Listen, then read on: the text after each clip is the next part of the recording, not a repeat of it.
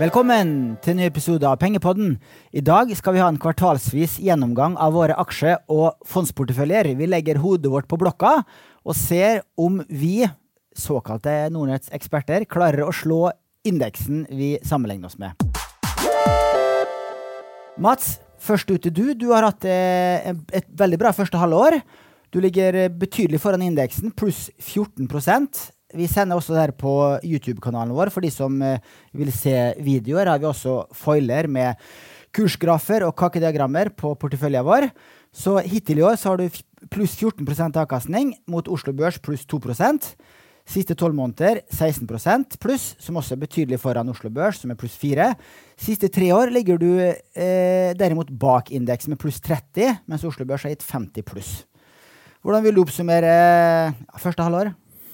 Ja, det var bra helt fram til et par uker siden. Så begynte uh, Movi å falle mye. Så det har jo tatt en, og for så vidt en del bankaksjer også, så det har tatt uh, ganske mye prosenter. Så det er jeg litt sur på, for å si det rett ut. For det så veldig bra ut, men så har det falt litt nå i siste tiden. Så, men sånn all in all så har det vært uh, greit i år. Men så har jeg som du har vært inne på, hatt mye dårlige år, da. Så det skulle jo fanken med bare mangle at det gikk bra etter hvert for min del også. Men uh, nei, det er jo ganske kjedelig portefølje. Det er jo mye bank. Uh, kan du ta laks. selskapene, de største? Ja, det er Movi, altså selvfølgelig det indeksfondet. Og så er det Movi, som er den største posisjonen, har i hvert fall vært det. Jeg er litt usikker på akkurat nå i forhold til det siste fallet. Sparebanken, Midt-Norge, Pareto Bank, Kitron og så litt annet smått. Um, Kitron har jeg vel halvert. Den, uh, det burde jeg selvfølgelig ikke gjort, men jeg halverte vel på uh, slutten av 30-tallet, og den har jo fortsatt å takte videre, for så vidt. Så det har vært en, uh, vært en bra investering. Skulle du ikke halvert den, men Hvorfor gjorde, halverte du den, da? Prising, da. Den gikk jo veldig mye. Den har gått nesten 80% så langt i år, og da får man litt høydeskrekk. og så tenkte jeg at det var greit å ta av litt chips fra bordet der, da. Men uh, om det var smart eller ei, det vet jeg ikke.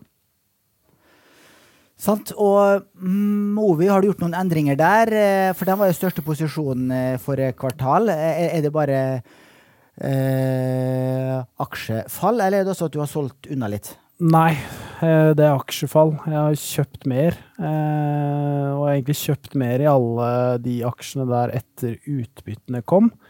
Så det er vel det eneste jeg har gjort sånn Vært ganske lite, egentlig. Vært veldig lite aktiv. Mye mindre aktiv enn uh, enn deg, til og med, Bjørn Erik. Ja, I siste kvartal har ikke gjort noen særlige endringer. Nei. Men eh, Nordnett indeksfond global har vi snakket om flere ganger. Nå er det din største posisjon, med 15-20 eh, Den eh, har jeg et ønske om at du tar ut av porteføljen din, for da får du en ren norsk-nordisk portefølje. For den har du fått god uh, drahjelp av. Uh, det siste året så har jo den uh, steget med 28 sant? Altså den har, det, det ratt opp avkastninga på H-porteføljer. Det er kanskje i neste periode vil gjøre det motsatte. Så eh, det kan vi snakke om eh, etterpå, Mats. Bra for pensjonen min, da, i hvert fall. Det er det. Absolutt. Det, men det viser også hvor vanskelig det er å slå et globalt indeksfond. Nå skal det, jo, det skal vi snakke om mer senere, at kronekursen har jo eh, en del å si her. Mm. Uh, nå gikk, nå, før vi gikk inn i studio her, så offentliggjorde Norges Bank at de kom en dobbel renteheving. Og så nå er kronekursen opp rundt 1,5 eh, siste halve timen. Så det er jo eh, Det fører jo til at kronen styrker seg, og det er mer attraktivt å plassere penger i norske kroner når du får en høyere renteavkastning der. Har du noe mer å si før vi går videre til uh, Nei, jeg håper jo bare at det blir en uh, laksehøst der prisene går til himmels igjen. Nå har jo de prisene falt ganske mye. Det har vært rekordpriser i tillegg til uh, fordelaktig norsk valuta så langt i år, men nå har prisene falt litt, for det har vært litt svakere etterspørsel. Kanskje verden begynner å merke Én ting er de høye prisene, en annen ting er jo selvfølgelig en generell nedgang i økonomien. Men jeg får håpe at ting ser bedre ut til høsten. Mener du at verden har fått nok av norsk laks? Absolutt ikke, det tror jeg ikke. Men, men jeg tror de har fått nok av prisstigninger ja. og høy inflasjon. Hvis du, hvis du, la merke til en liten detalj der eh, innledningsvis, eh, Bjørn Erik. altså han var litt sint fordi at lakseaksjene har gått uh, dårlig, og, og, samtidig så så han rett på meg. er, det, er, det, et tegn? ja, det, du heier ikke nok, Roger.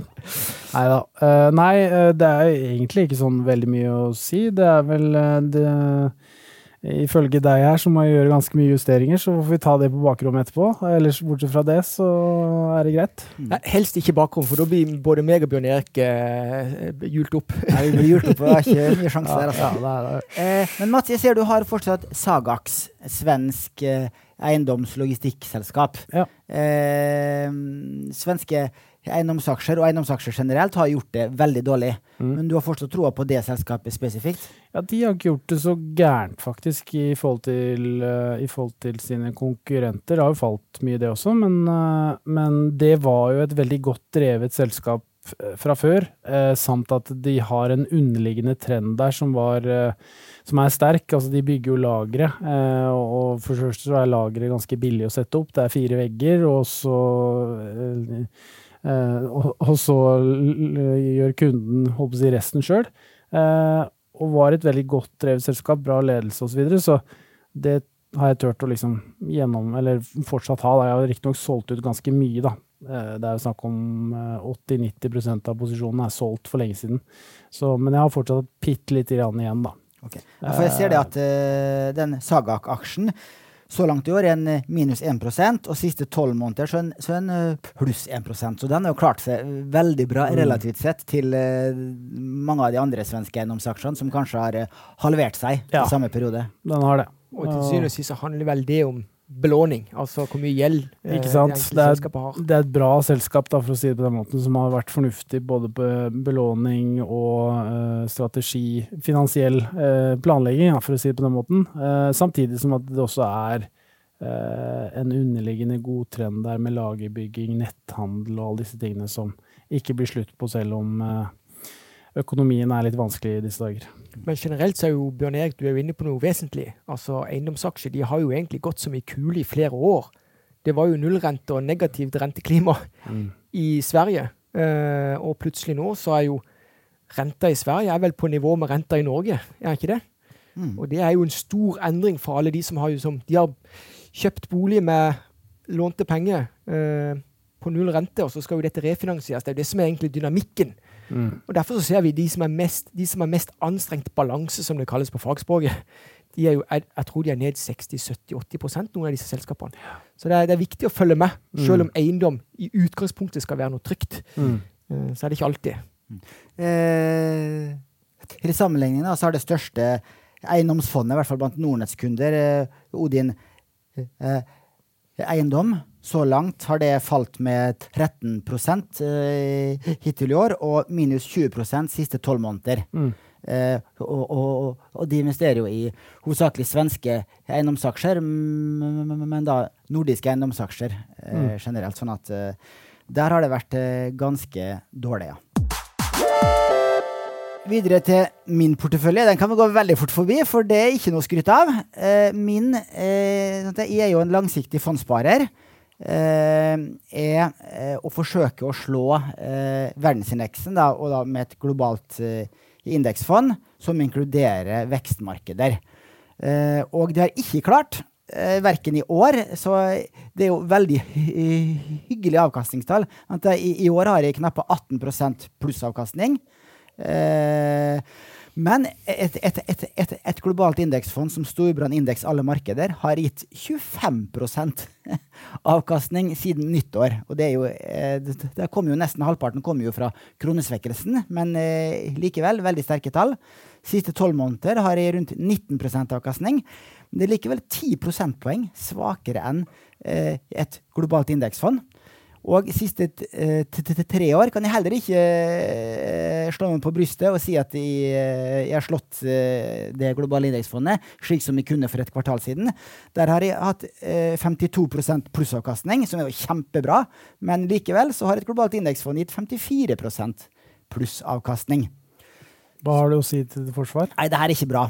Det, men jeg får si som de fleste uh, aktive fondsforvaltere sier, at eh, nå har det vært et veldig gunstig klima for globale indeksfond. For eh, Apple, Microsoft, Google og ikke minst Nvidia, som da Og, te og Tesla må du ikke ta Og Tesla, som har gått nesten 100% i år, Mm. eh, utgjør jo eh, er det rundt 15% av et globalt indeksfond. Slik at eh, disse største megacap-selskapene i USA har gjort det sinnssykt bra eh, så langt i år, og også hvis du ser de siste årene. Sånn at det å velge Prøve å finne vinnerfond i utvalgte regioner utvalgte, sektorer har vært vanskelig. Og eh, jeg har jo da ikke klart å eh, slå eh, et globalt indeksfond med min aktive halvdel. Det er også verdt å eh, nevne at jeg har jo forsøkt meg på et sånt valutaveddemål. Så har i, i fjor eh, høst så eh, i september så eh, tok jeg et veddemål mot at norske kroner skulle styrke seg. Sett i ettertid så var det litt for tidlig, eh, for da sto dollaren i eh, 10 kroner og 20 øre. Nå står den i 10,50 eh, as we speak. Eh, så da solgte jeg halvparten av Nordnett indeksfond global ESG og kjøpte KLP sitt valutasikra globale indeksfond. Og så sa jeg at hvis eh, krona styrker seg videre, slik at dollaren kommer over 11 norske kroner, så vil jeg, øke det valutaveddemålet mitt. Og det gjorde jeg her for noen uker siden, i månedsskiftet mai-juni. Så da solgte jeg enda mer av det Nordnett global indeks, og kjøpte enda mer av KLP sitt valutasikra globale indeksfond. Eh, da sto jo da eh, dollaren i 11, og nå står den i 10,50. Så akkurat på det veddemålet så ligger det litt i pluss. Absolutt. Og det er jo egentlig det, er jo det som er læringa i det her. Det er det at du har porsjonert ut. Du, er, du har en conviction, en overbevisning, om at uh, krona er for svak i et historisk perspektiv. Uh, la det være sagt, altså hoveddelen av, en, s- av kronesvekkelsen skyldes jo rentedifferansen mellom USA og Norge. Hoveddelen er det. Der er ikke alle enig med deg, men ja. Ja, men hoveddelen er det. Altså, det, det er matematikk. Eh, og så er det jo det at eh, du har porsjonert. Du har lært av eh, vår gode venn eh, Arne Fredli, som var på besøk i studio her. Et av de mest sette videoinnslagene på vår YouTube-kanal. Hvor han snakker om at når han har en conviction overbevisning, så fordeler han det gjennom flere trinn. Og det er jo det du har gjort her. Og da har du jo da, som du er inne på, gevinst eh, på den siste eh, eh, justeringa. Så det blir spennende å se eh, om dette er starten på at krona skal etablere seg på enda høyere nivå framover, eller Ja. ikke. Jeg, håper jo nesten det eh, for eh, Norges del. For eh, vi skal jo ikke være en sånn en Mikke Mus-valuta som er helt i ytterkant av de svake valutaene i verden. Eh, nå fikk vi jo ekstra hjelp av Norges Bank i dag, som vi var inne på. Eh, det at de setter opp renta, slik at vi får eh, en vel så høy rente som i eh, eurosonen. Riktignok ikke så høy som i USA, men det vil jo også eh, hjelpe på at eh, norske kroner blir en litt mer attraktiv valuta å investere i. Ja, hjelp eller fordervelse, alt ettersom hvor mye lån du har til bolig og sånne ting. Så det er klart det også er jo en, det er en vanskelig situasjon for Norges Bank, og som på mange måter er litt i, i, mellom barken og veden, med at man må importere så mye inflasjon som vi i Norge må, eh, og den derre balansegangen i forhold til hvor, høy rente, hvor høyt rentenivå tåler den norske befolkning i forhold til gjeld osv. Så, videre, så det det er jo det som kanskje blir interessant å se nå. Jeg tror jo den siste hevingen nå vil merkes veldig blant befolkningen som har boliglån, gjeld osv. Spesielt folk som kanskje bor i rundt Oslo-området, som har uh, belånt seg til pipa litt til. Det tror jeg kan bli vanskelig. Og så må du jo bare si det at ja, det er jo det én boligkonge blant oss tre. Det er jo Bjørn Erik. Så det er jo klart at uh, rentehevinga altså, det, det har noe å Det betyr nokså mye på prisen Mm. på disse boligene. Så hva, tenk, hva tenker du da? Skal, er det, eh, vil du da de neste kanskje årene bruke tid Kanskje kjøpe noe flere leiligheter, eller skal du prøve å kjøpe Jeg vet ikke, Hvordan tenker du? Jeg, altså, nå har jo boligprisene i Norge eh, steget betydelig første halvår. Mm. Så jeg er veldig spent på eh, den eh, junistatistikken eh, som kommer i starten av juli. Og eh, de fleste forventer jo at boligprisene skal falle nå i andre halvår. Eh, fordi at nå har renta kommet så høyt opp at nå vil det eh, sette en stopper for mange sin bo, bo, eh, sine uh, boligkjøp, akkurat som sentralbanken ønsker. Og eh, de 5-6-7 prosentene vi har fått pluss i første halvår, forventer i hvert fall jeg at skal komme i minus i andre halvår, slik at uh, utviklinga innenfor hele kalenderåret vil være ganske flat. Du ser det jo i hvert fall på nybygg. Det er vel ned. altså Det er jo ikke Ja, det er en kjeft, ja, det er jo ikke en kjeft som kjøper nybygg lenger. Og det er jo selvfølgelig en kombinasjon av litt for dyrt priser, sannsynligvis, og selvfølgelig vanskelig for entreprenører osv. å å regne hjem og få lån osv. Så, videre, så det er jo Jeg tror det var snakk om 80 Ja, fall ja, i eller noe voldsomt. Det kan jeg reklamere for en podkast som kommer her i midten av juli, som vi spilte inn i går. For nå driver vi og spiller inn litt podkaster for juli måned, siden vi skal ha ferie.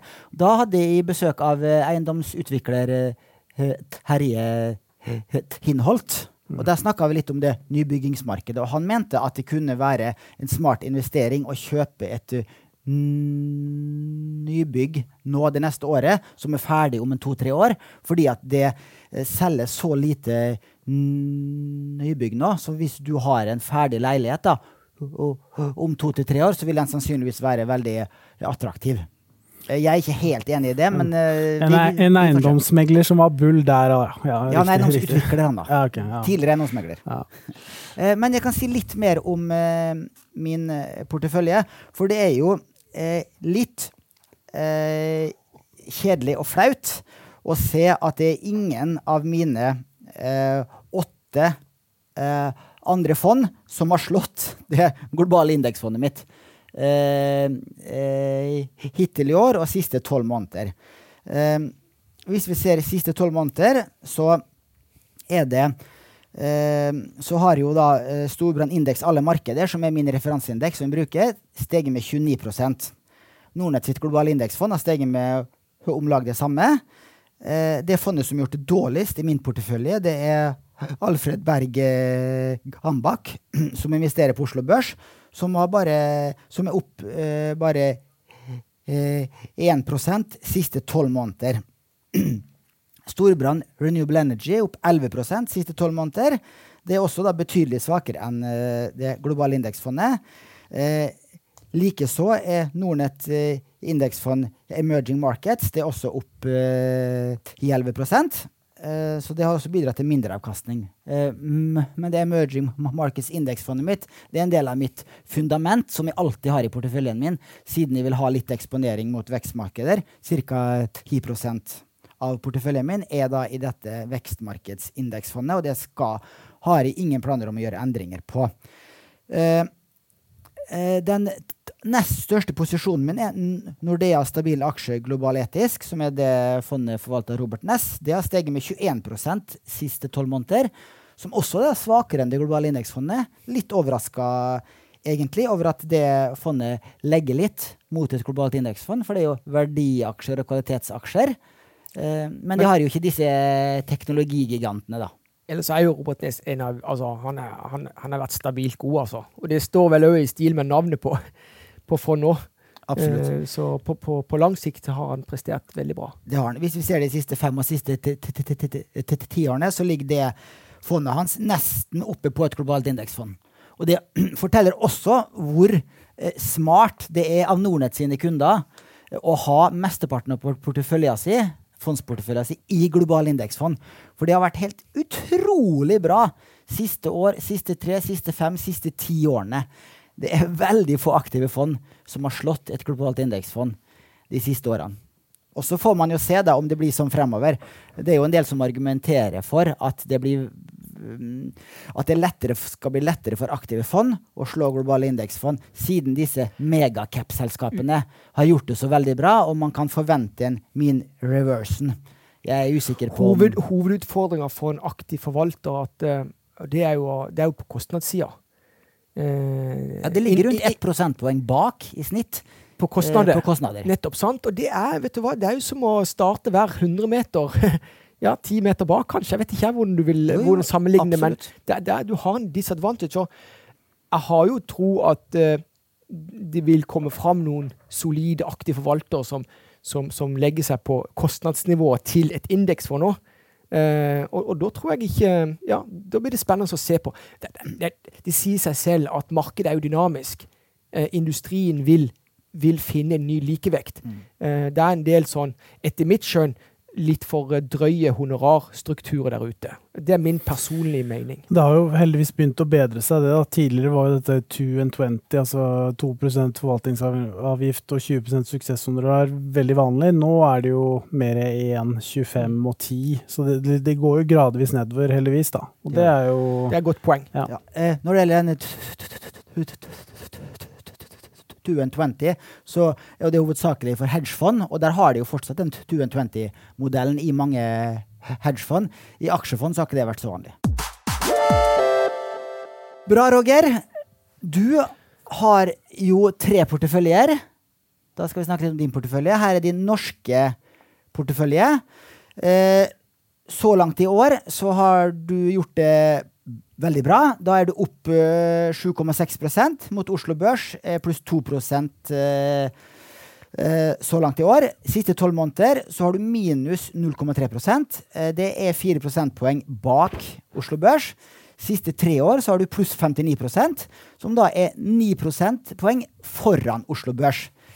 Dette er gode tall, og du har jo lakseskatten som gjør at du ligger litt bak siste tolv måneder, men Ja. dette må du være fornøyd med. Ja, for det er jo litt sånn fascinerende, for du har jo brukt sånn fargekode på om du er bedre eller dårligere enn hovedindeksen her. Eh, jeg lever jo i en sånn sjakkverden, ikke vel? Og det, så, sånn sett så blir jeg jo fornøyd når det nesten ser ut som et sjakkbrett, dette her. Midt på det, tolv måneder, du er inne på det. Lakseskatten, den gjorde en impact.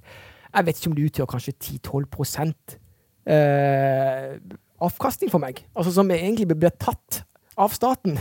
Sånn at, men likevel så har jeg jo eh, faktisk prestert bra eh, de siste tre årene. Så dette, de har ikke ennå vippa meg helt av pinnen.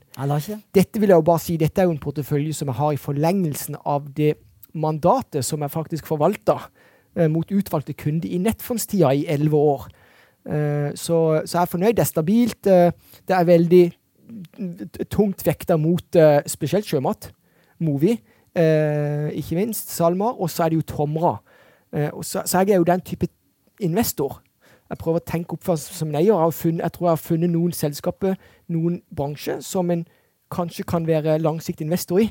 Og det har jo vært, og kommer til å være òg, med mindre ikke det plutselig skal inntreffe ting som bare ja, eh, ødelegger for enten for et enkeltselskap eller for industrien. Men, men det tror jeg ikke eh, blant disse selskapene. Så det er egentlig ikke så mye mer å, å, å, å si om det. Men dette er en ren norsk portefølje.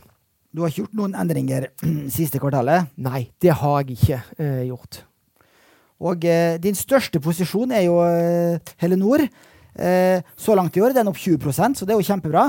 Men siste tolv måneder så er den minus 14% Det er riktignok før utbytte, og det gir vel en del utbytte. Ja, det er bare Altså, vet du hva? De vokser jo ikke. Nei. Sånn at, eh, og de har enorme marginer på det de holder på med, og alt det går i utbytte. Så det er jo en, en rå utbyttemaskin i dag.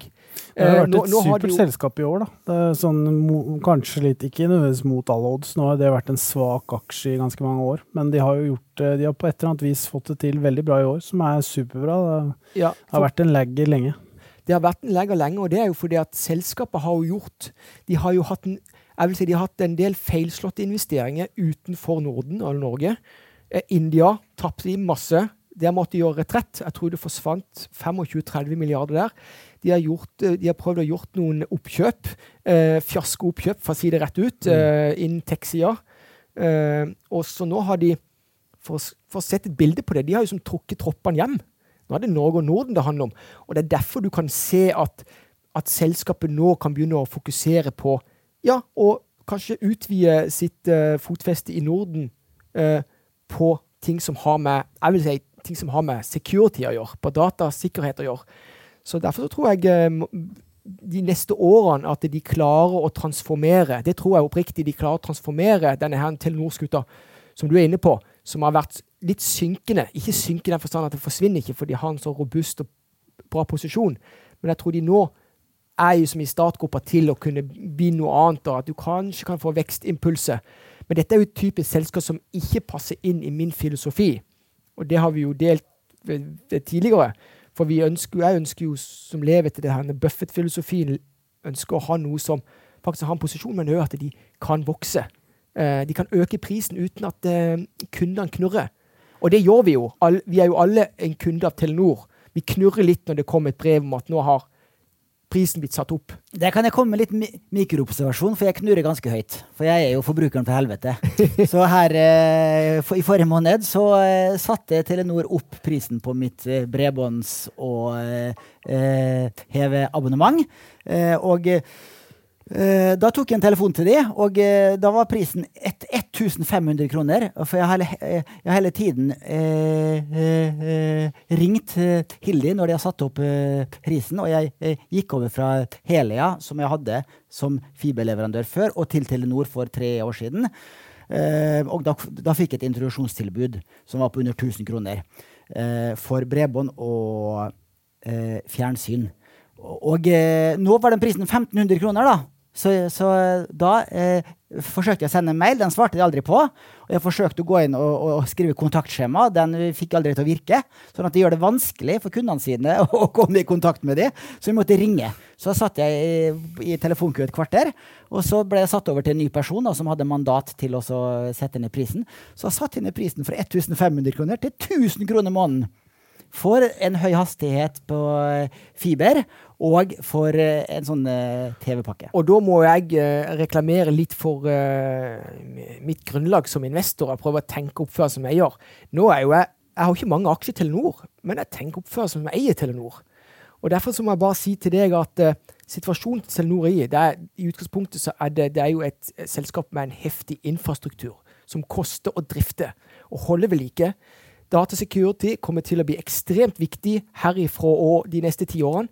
Det er egentlig to tilbydere i Norge og Norden. Det er Telia på den ene sida og det er Telenor på den andre. Det gjør jo at det er relativt stabile rammevilkår for businessen. Og jeg vet at du har barn hjemme. De etterspør stadig mer datakraft. sånn at det kan godt tenkes at du må oppgradere datapakken din, og så plutselig er det tilbake til 1500 spenn igjen. Men i alle, fall, i alle fall for mitt ståsted så er jo dette blitt et verdicase.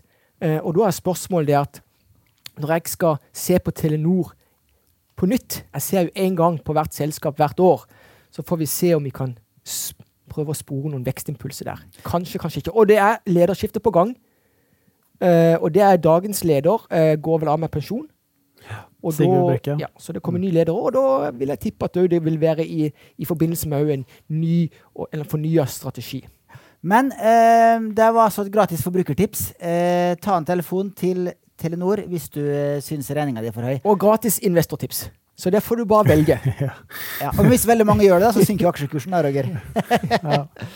Så bra. Da eh, flere kommentarer til norske portefølje før vi går over til uh, det internasjonale. Du kan jo komme litt på, på uh, uh, og Kongsberg Gruppen, som er en, en, en, veldig sterk aksje. Jeg vil, jeg, jeg vil ta, heller ta Kongsberg Gruppen. Enig, sterk aksje, bra aksje. Men du har også en dog i, det, i den porteføljen. Det er Orkla. Jeg hadde en diskusjon med noen eh, bekjente i går angående det selskapet. Og det er jo synd at det selskapet egentlig som Hvis du ser på konkurrentene, Nestlé, Unilever osv., så, videre, så er jo det supre selskaper som har gått bra i mange, mange år. Mens Orkla har jo ikke gått bra på lenge. Nei, og, ja, og det, liksom, nå er jo én ting at de importerer mye og inflasjon, og det dreper selvfølgelig mye av overskuddet, men, men på lang tid så har det selskapet underprestert av hva det egentlig bør. da. Så Det, det er liksom lite snakk om Orkla nå i disse dager. Jeg, jeg, er jo, jeg, jeg, må bare si Det er jo ikke noe å legge skjul på det at jeg har jo nevnt Orkla i, i, i, i mange sammenhenger opp gjennom årene. Orkla er et selskap som er like. Hvis du ser på Orkla-posisjonen de har bygd seg opp til mm. uh, Det er jo Stein Erik Hagen som, uh, med familie som kontrollerer tror jeg, en fjerdedel av selskapet, som basically styrer det. Uh, så selskapet er jo i en, jeg vil si de er i en posisjon hvor Og det er, det er jo litt tabloid sagt, men de kan gjøre hva som helst, og det blir bare bedre. Det er mitt utgangspunkt fra strategisk mindset. Uh, og så er det jo en veldig, Men dilemmaet er at de er jo en veldig, sånn, veldig god posisjon, for dette er et utbytteselskap. Det er, det er ingen risiko der, og de, eieren kan ta ut jevnlig utbytte, det, som er mye, mye bedre enn det banken gir. Nå derimot, bare for å sammenligne litt hvordan renta fungerer på investormarkedet, nå er plutselig renta så høy at du kan begynne å sammenligne med avkastninga, eh, utbytten i Orkla. Og da begynner det å bli varmt under føttene på noen. Ikke vel? Da må du gjøre noe, og det skal faktisk Orkla gjøre. De har satt i gang en prosess hvor de skal prøve å få fram verdier og få de enkelte delene til å vokse. Mm. Så det vil, vi, vil jeg følge med på, uh, på, uh, på vid, videre, rett og slett. Men du, du er, det er et godt poeng. Det har vært en laggard i min portefølje. Eh, og det er ikke at jeg forelsker meg i noen aksje, men det er et selskap som jeg mener kan gjøre utrolig mye og bare bli bedre. Er Og det er et Altså, godt utgangspunkt for, for, for et selskap. Det kan bli et selskap som er mye mer betydningsfullt på Oslo Børs enn tidligere, jeg, bare med enkle, enkle grep. Hvis jeg skal pinpointe én som jeg mener er en er feilslått strategi, det er jo hva slags modell de har ut til kjøpmennene. Eh, og det er det at de, de har jo basically tre kjøpmenn som de leverer varer til. Altså det er og Norgesgruppen som er størst, og så er det Coop på second place, og så er det Rema 1000 på tredjeplass. Mm. Av de kjøpmennene der så er det en forferdelig situasjon å være nummer tre. Sant? Men dilemmaet er at det er volumbasert eh, modell som Orkla har. Sånn at Norgesgruppen får billigere priser av Orkla. Det, det er jo sånn det er, og det er jo endgame. Du, du, skal kjøre, du skal ikke kjøre det spillet, spillteoretisk, i mange år, si fem-ti år, så vet du hva endgame blir. Det er det at eh, kunden din plutselig får upper hand på deg. Uh, og for å løse den situasjonen, så er det, så er det enten å gjøre hardt og brutalt gjøre om uh, forretningsmodellen. Det er slutt på volumbaserte rabatter, f.eks. på dine jeg vil si, Grandiosa er, et, er jo et produkt. Du skal ikke ha volumbaserte eh, eh, modell på det. Så skal Orkla, skal Orkla selge eh, eh, Grandiosa til de tre kjøpmennene, så skal det være samme pokkers pris.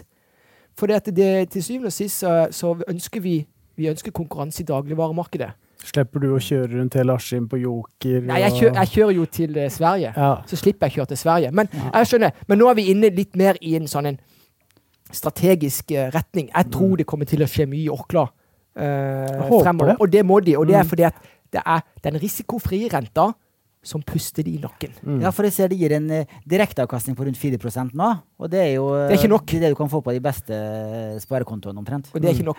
Men eh, litt om eh, Kongsberg-gruppen nå. Den har du hatt lenge, og den har jo vært en, en kjempeaksje å eie de siste årene. Så langt i år pluss 17% Siste tolv måneder pluss 44 Kongsberg Gruppen har vi hatt i studio her.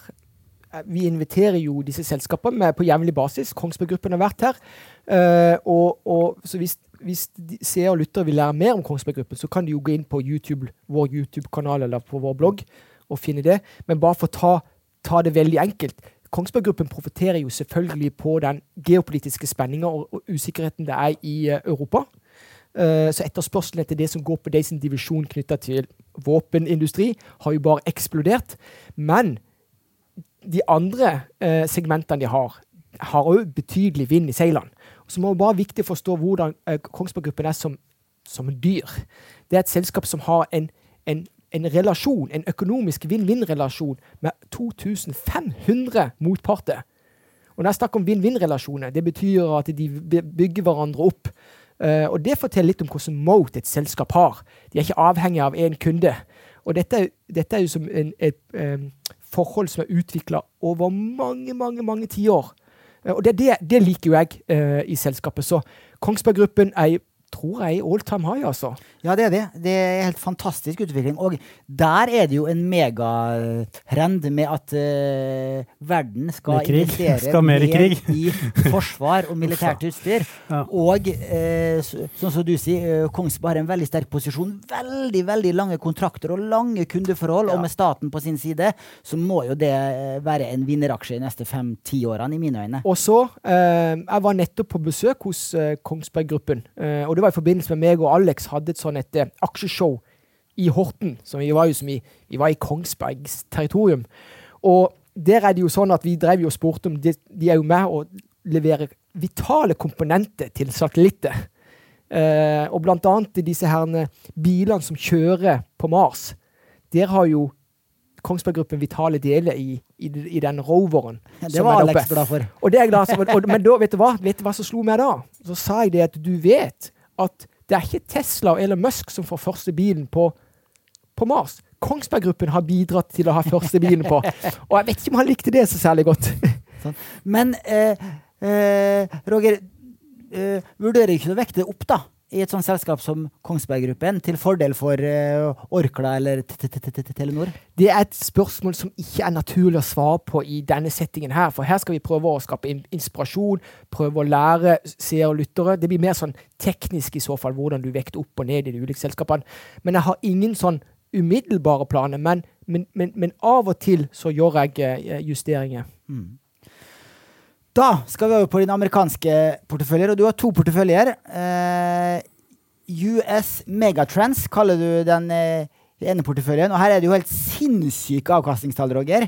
Eh, så langt i år, riktignok i norske kroner, så har du gjort 90 avkastning på denne ganske konsentrerte porteføljen din, imot uh, Nasdaq-indeksen, målt i norske kroner, for å få riktig sammenligning, så er den gitt uh, 38% som også da er eksepsjonelt sterke tall.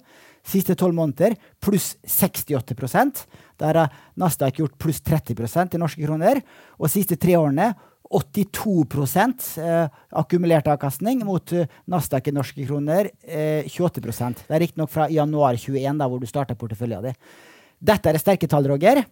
Gratulerer. Jo, takk for det. Men det som jeg, jeg har jo fått litt på pukkelen eh, for din del, det er jo du som leder disse sendingene og er god administrator.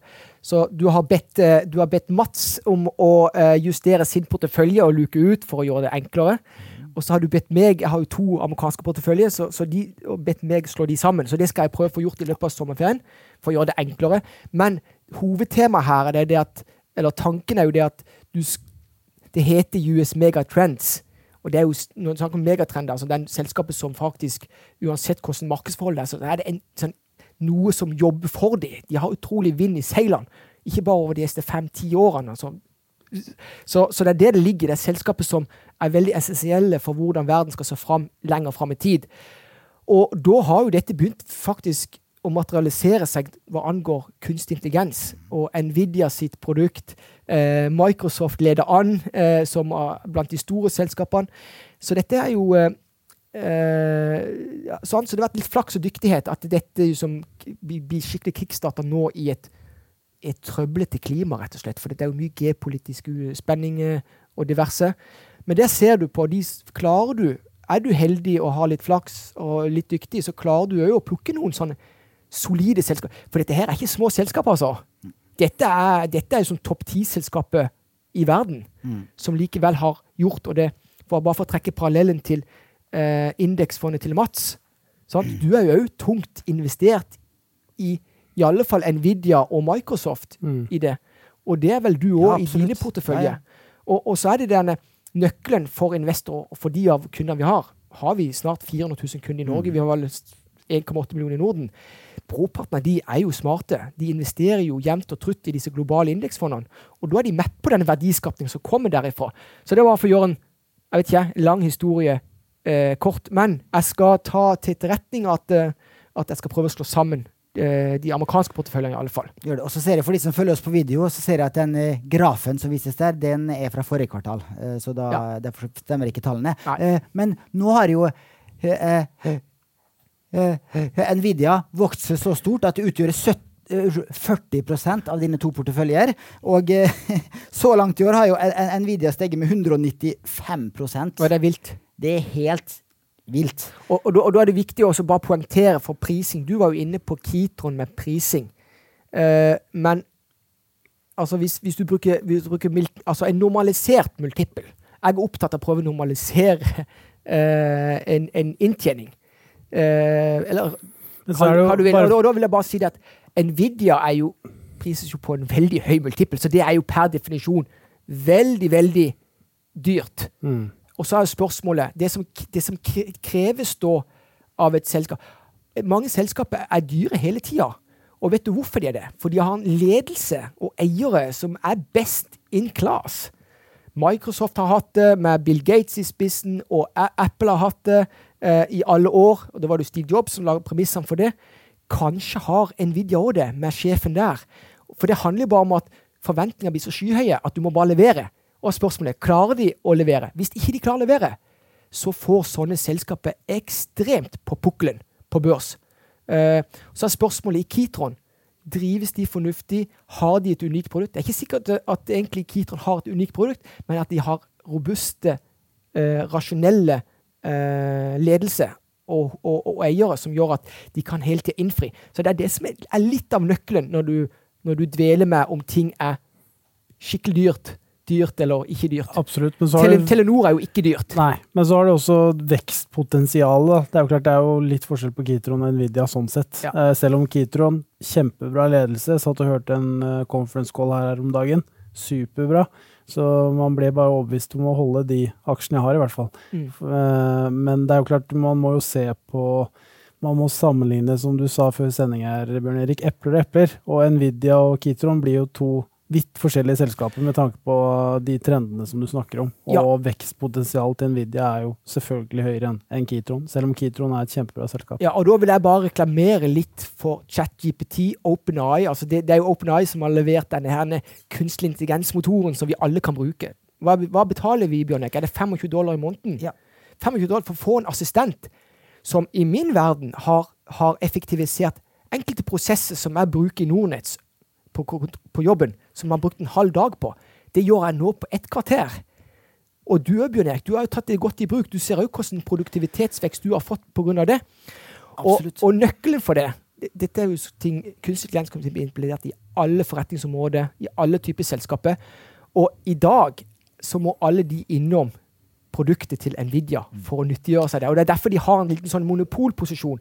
Men spørsmålet er klarer de å levere. Da er de avhengige av å kunne få leveranse fra TSM, altså Taiwan Semiconductor, som er en kjempeskvis geopolitisk. Det er faktisk litt av der. Det er det, det, er det, det er virkelig sweet spot i geopolitiske forhandlingene mellom USA og Kina i dag. Det går på Taiwan Semiconductor øh, og hvilken rolle de spiller for, øh, for øh, amerikanske giganter som, eh, som, som, vi ser her. Men Roger, nå utgjør jo Nvidia rundt 40% av dine to amerikanske porteføljer. Hvis du hadde vært et aksjefond, eh, så hadde du ikke hatt lov å ha mer enn 10% i et selskap.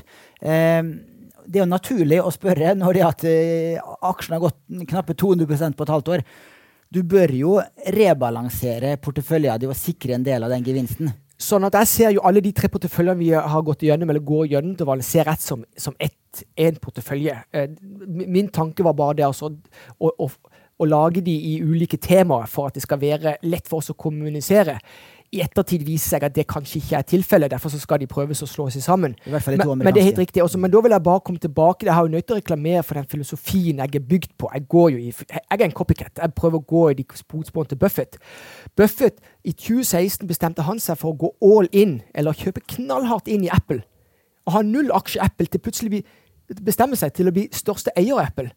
Og for, for Buffett sin del så har jo Apple blitt over 40% av aksjeporteføljen til Berkshire han får jo samme spørsmålet. Så, så, så han òg tenker seg som eier. Jeg er lært opp av hans filosofi. Det betyr at jeg, jeg ønsker ikke selge jeg ønsker ikke å selge eh, en videoaksje som en følge av det, men jeg vil heller da prøve å kompensere så langt det er mulig all utbyttene jeg har fått opp igjennom en periode, til å kjøpe andre aksjer. Ikke øke vekten der. Sånn at dette vil dette da balansere seg på den måten. Jeg, jeg er bare en sånn, jeg er motstander av å selge ting som jeg liker. Men det kan jo være en hype, da. Og eh, når en aksje går 200% på et halvår, så høres det nesten ut som en hype. Når et av verdens største selskaper gjør det. Absolutt. Og det jeg vil si, den hype, eller prisen er stiv hvis de ikke klarer å innfri. For det, det blir jo sånn Du kan sammenligne med at folk i fotballverden Braut Haaland I dag har jo han bevist at han er en verdensstjerne. Men du er, har talent. Når du er ung, så skal du bryte alle disse barrierene. Nå har faktisk han klart å bryte barrieren og komme til topps. Mester Champions League, eh, toppscorer og alt det der. Men det er mange fotballspillere som var supergode der når de var på lave nivå, og så kommer de til et visst nivå. Så klarer de ikke lenger å ta hånd om det presset som øker. Det er enormt press på Nvidia, og da blir det spennende å se på hvordan han toppsjefen der, lederen som eier 3 av selskapet, eh, men han er jo blitt en av verdens rikeste, hvordan han klarer å levere på dette. Men ja, helt riktig. men eh, verden er jo mer enn penger. Altså, livet er jo mer enn penger. Sånn at om den kommer kraftig ned, eh, så betyr ikke det så mye. For det, for det, eh, det er i alle fall uansett et selskap som vil da gå inn i en fase hvor at de må prøve å bygge seg opp igjen. For, for om, blir, om, mark om markedet blir skuffa over resultatene de kommende kvartalene, og aksjen kommer ned, så har ikke selskapet blitt dårligere. Tvert imot. Hver dag blir et sånt et selskap bedre. Og da har jeg nødt til å eh, snakke, eh, snakke litt om filosofien til, til Jeff Bezos. Husker dere Jeff Bezos som starta Amazon i 1994? Det ble børsnotert i 1997. De var med på denne bobla som sprakk da på slutten av 90-tallet, tidlig 2000-tallet. Amazon-aksjen falt 85 sånn? 90 vel? To Ja, 90 ganger. Ja. 90 Mm. Og de fleste investorer de kalles investorer, men de er egentlig bare tradere. De solgte aksjene sine skuffende.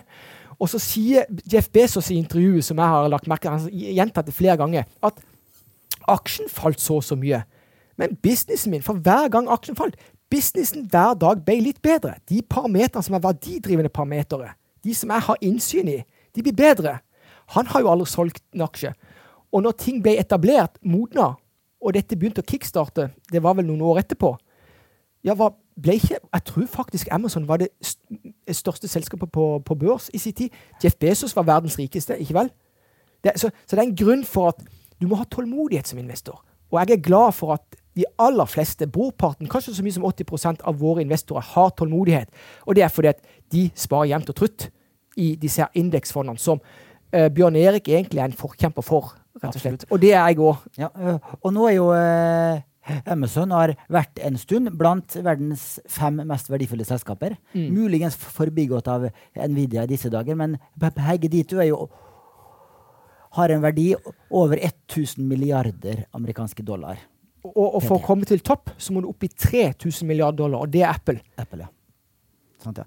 Så det er mye å gå på, er det det du sier? Det er mye, mye å gå på, ja. Din eh, andre amerikanske portefølje kaller du for US eh, Tech. Den har også gjort det kjempebra så langt i år og siste tolv måneder. Med 64 eh, plussavkastning hittil i år. 53% siste tolv måneder. Siste tre årene så ligger du litt bak indeks. Der har du 26 mens eh, Nasdaq i norske kroner har gitt rundt 40 her er også gode tall. Her er også Nvidia og Microsoft, de to, de to største posisjonene. Her har du litt flere aksjer. Du har Apple og Apple, ServiceNov, Enface Energy, Five9, Block A, Okta A. Noen selskaper jeg ikke hørt om engang. Ja, nå kommer du til, til security-delen, og det tror jeg kommer til å bli viktig. Men, men mange av disse selskapene som er mye mindre, de har fått skikkelig på pukkelen pga. de høye, Rentene. Høy, høye rentene. Mm. Eh, sånn som Apple for eksempel, er vel også på all time high i dag. og Det forteller litt om hvilken posisjon de har. Apple er egentlig ikke et tech-selskap lenger. Det er mer et consumer company. Det, det som kanskje er mest imponerende med Apple, er jo én ting er jo selvfølgelig at de har steget bra siste tiden, men de har jo nesten ikke falt heller. Nei, de altså, de, de falt om omtrent ikke under eh, 22, den korreksjonen som vi hadde. Så Ja. Eh, altså, I hvert fall ikke nevneverdig. Eh, så, så det er jo ganske interessant, verdens største selskap, å klare å være såpass stabile som de er. da. Og husk, de fleste selskaper i dette her Apple-spacet, de har jo gått all in på det som er knytta til kunstig intelligens i den formen som vi ser det med ChatGPT. Alphabet eller Google, de har jo sin Bard, blant annet. Men det Apple har gjort, det Apple har brukt de siste kanskje i alle fall ti årene på, syv, åtte, ni, ti årene, det er jo på De ønsker å disruptere helsesektoren. De ønsker å bli en sånn en eh, Gjøre et impact i en sektor som tror jeg har god grunn til å bli disruptert. Eh, og det blir jo spennende å se på, og det er det ikke noen som snakker om, basically, i, i, i Apples sfære. Apple kan kanskje ikke bli så mye, mye større, men det i alle fall gjør at de kan opprettholde marginene sine, som til syvende og sist lander på en, en, en konto som må deles ut til aksjonærene i to former. Enten i direkte utbytte eller i tilbakekjøp av aksjer. Så, så det er ingen som har større utbytte til, til aksjonærene i dag på, i verden enn Apple. Og det er igjen tilbakekjøp av aksjer. Og den som profitterer mest på det, det er jo selvfølgelig Berkshire Hathaway og Warren Buffett. Eh, som da hele tida får økt sin eierandel indirekte fordi at han får utbytte i, i, Aksjer. eh, i, i, i aksjer, basically. Men for å gjøre en lang historie kort, jeg skal prøve å være såpass grei med Bjørn Erik. Når jeg skal slå sammen disse amerikanske porteføljene, så skal jeg bruke den som har gått dårligst i de siste tre årene, som hovedportefølje. Eh, var det ikke så? Jo, altså når en fondsforvalter slår sammen to fond, så så er det jo eh, regler for hvilken historikk som skal videreføres. Men man jobber jo veldig mye for å videreføre den historikken som, som er sterkest. Og da ivaretar vi den røde tråden i Buffett-filosofien, integritet. Vi er Ja. i alle fall opprettholder integriteten vår. Ja, nei, men gjør det, og da vil du ha mindreavkastning de siste tre år. Ja. Eh, yes, et siste spørsmål fra meg før vi runder av. Det er uh, et selskap du har snakka varmt om før. Det er jo Enphase Face Energy, eh, et fornybarselskap. Det er jo en, en av tap, en av de få aksjene som har gått i minus det siste året og eh, hittil i år. For hittil i år så er den aksjen ned med minus 36 Ja, så dette det er jo et selskap som i Nvidias case er veldig dyrt. Så de er jo nødt til å levere på eh, de forventningene uten at markedet blir skuffa. Eh, og utfordringen til Enphase er sitt produkt altså når vi kommer tilbake til det å konvertere altså solenergi til solpaneler inn i strøm, og at det skal inn i batteripakke og sant? Hele den der økonomien der, det er en vinnende, det er en vinnende økonomi. Og Enphase er, har de mest effektive produktene for å gjøre den uh, omforminga. Men de er da veldig avhengige av underleverandører. Sant? Så de har hatt utrolig mye det vi kaller for verdikjedeproblematikk. Sant? Så dette, de er ikke et selskap som har fullstendig mote i den Buffett-verdenen den lever i. Det er de som kontrollerer alt fra A til Å. Ta Movi som selskap inn i sjømat, bare for å trekke parallell det. De kontrollerer alt fra A til Å. Fra egg til, eh, til smolt, til uh, oppdretten og til viderefellinga. Da begynner du å snakke om at du har betydelig mote. Uh, det har ikke et selskap som Enface. Men Enface er òg et selskap som blir litt bedre for hver dag som går, selv om aksjekursen tilsynelatende viser noe annet. Sånn ser jeg på en face. Men nok en gang, jeg har ikke tid til å gå inn i detalj på hvert enkeltselskap, for jeg har de i systematisk orden at en face skal jeg se på på den tidspunktet i, i løpet av året. Uh, ja. Sant. Bra, nå tror jeg vi runder av. Eh, vi kan nevne det at dette her er vår siste eh, videosending i vårt studio. For nå etter eh, sommerferien så flytter vi lokaler fra Akersgata og til Karl Johans gate 16, Stena Strømbygget. I, da skal vi oppgradere studio også. Eh, større studio, bedre utstyr, så det blir veldig bra. Det er helt rett. Så det er ikke vår siste sending, men det er, i dette studioet er Dette det vår studio. siste. Og da er det viktig, alle mann her, til pumpene, nytt studio. Det gjør at presset på oss øker. Da må vi eh, heve vårt nivå et hakk, og det, det klarer vi. Det klarer Men vet du hvorfor vi klarer det?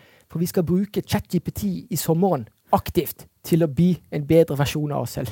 Sant? Eh, vi fortsetter med Pengepodden i juli måned. Det kommer ut hver torsdag. Så bare hør på oss. Eh, episodene er spilt inn. Veldig gode episoder.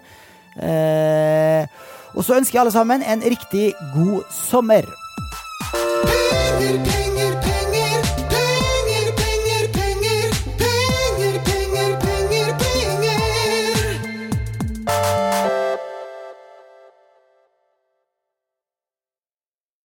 Denne podkasten skal anses som markedsføringsmateriell, og innholdet må ikke oppfattes som en investeringsanbefaling.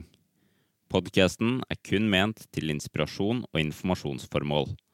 Nornett tar ikke ansvar for eventuelle tap som måtte oppstå ved bruk av informasjonen i denne podkasten. Les mer på disclaimer-siden på nordnett.no.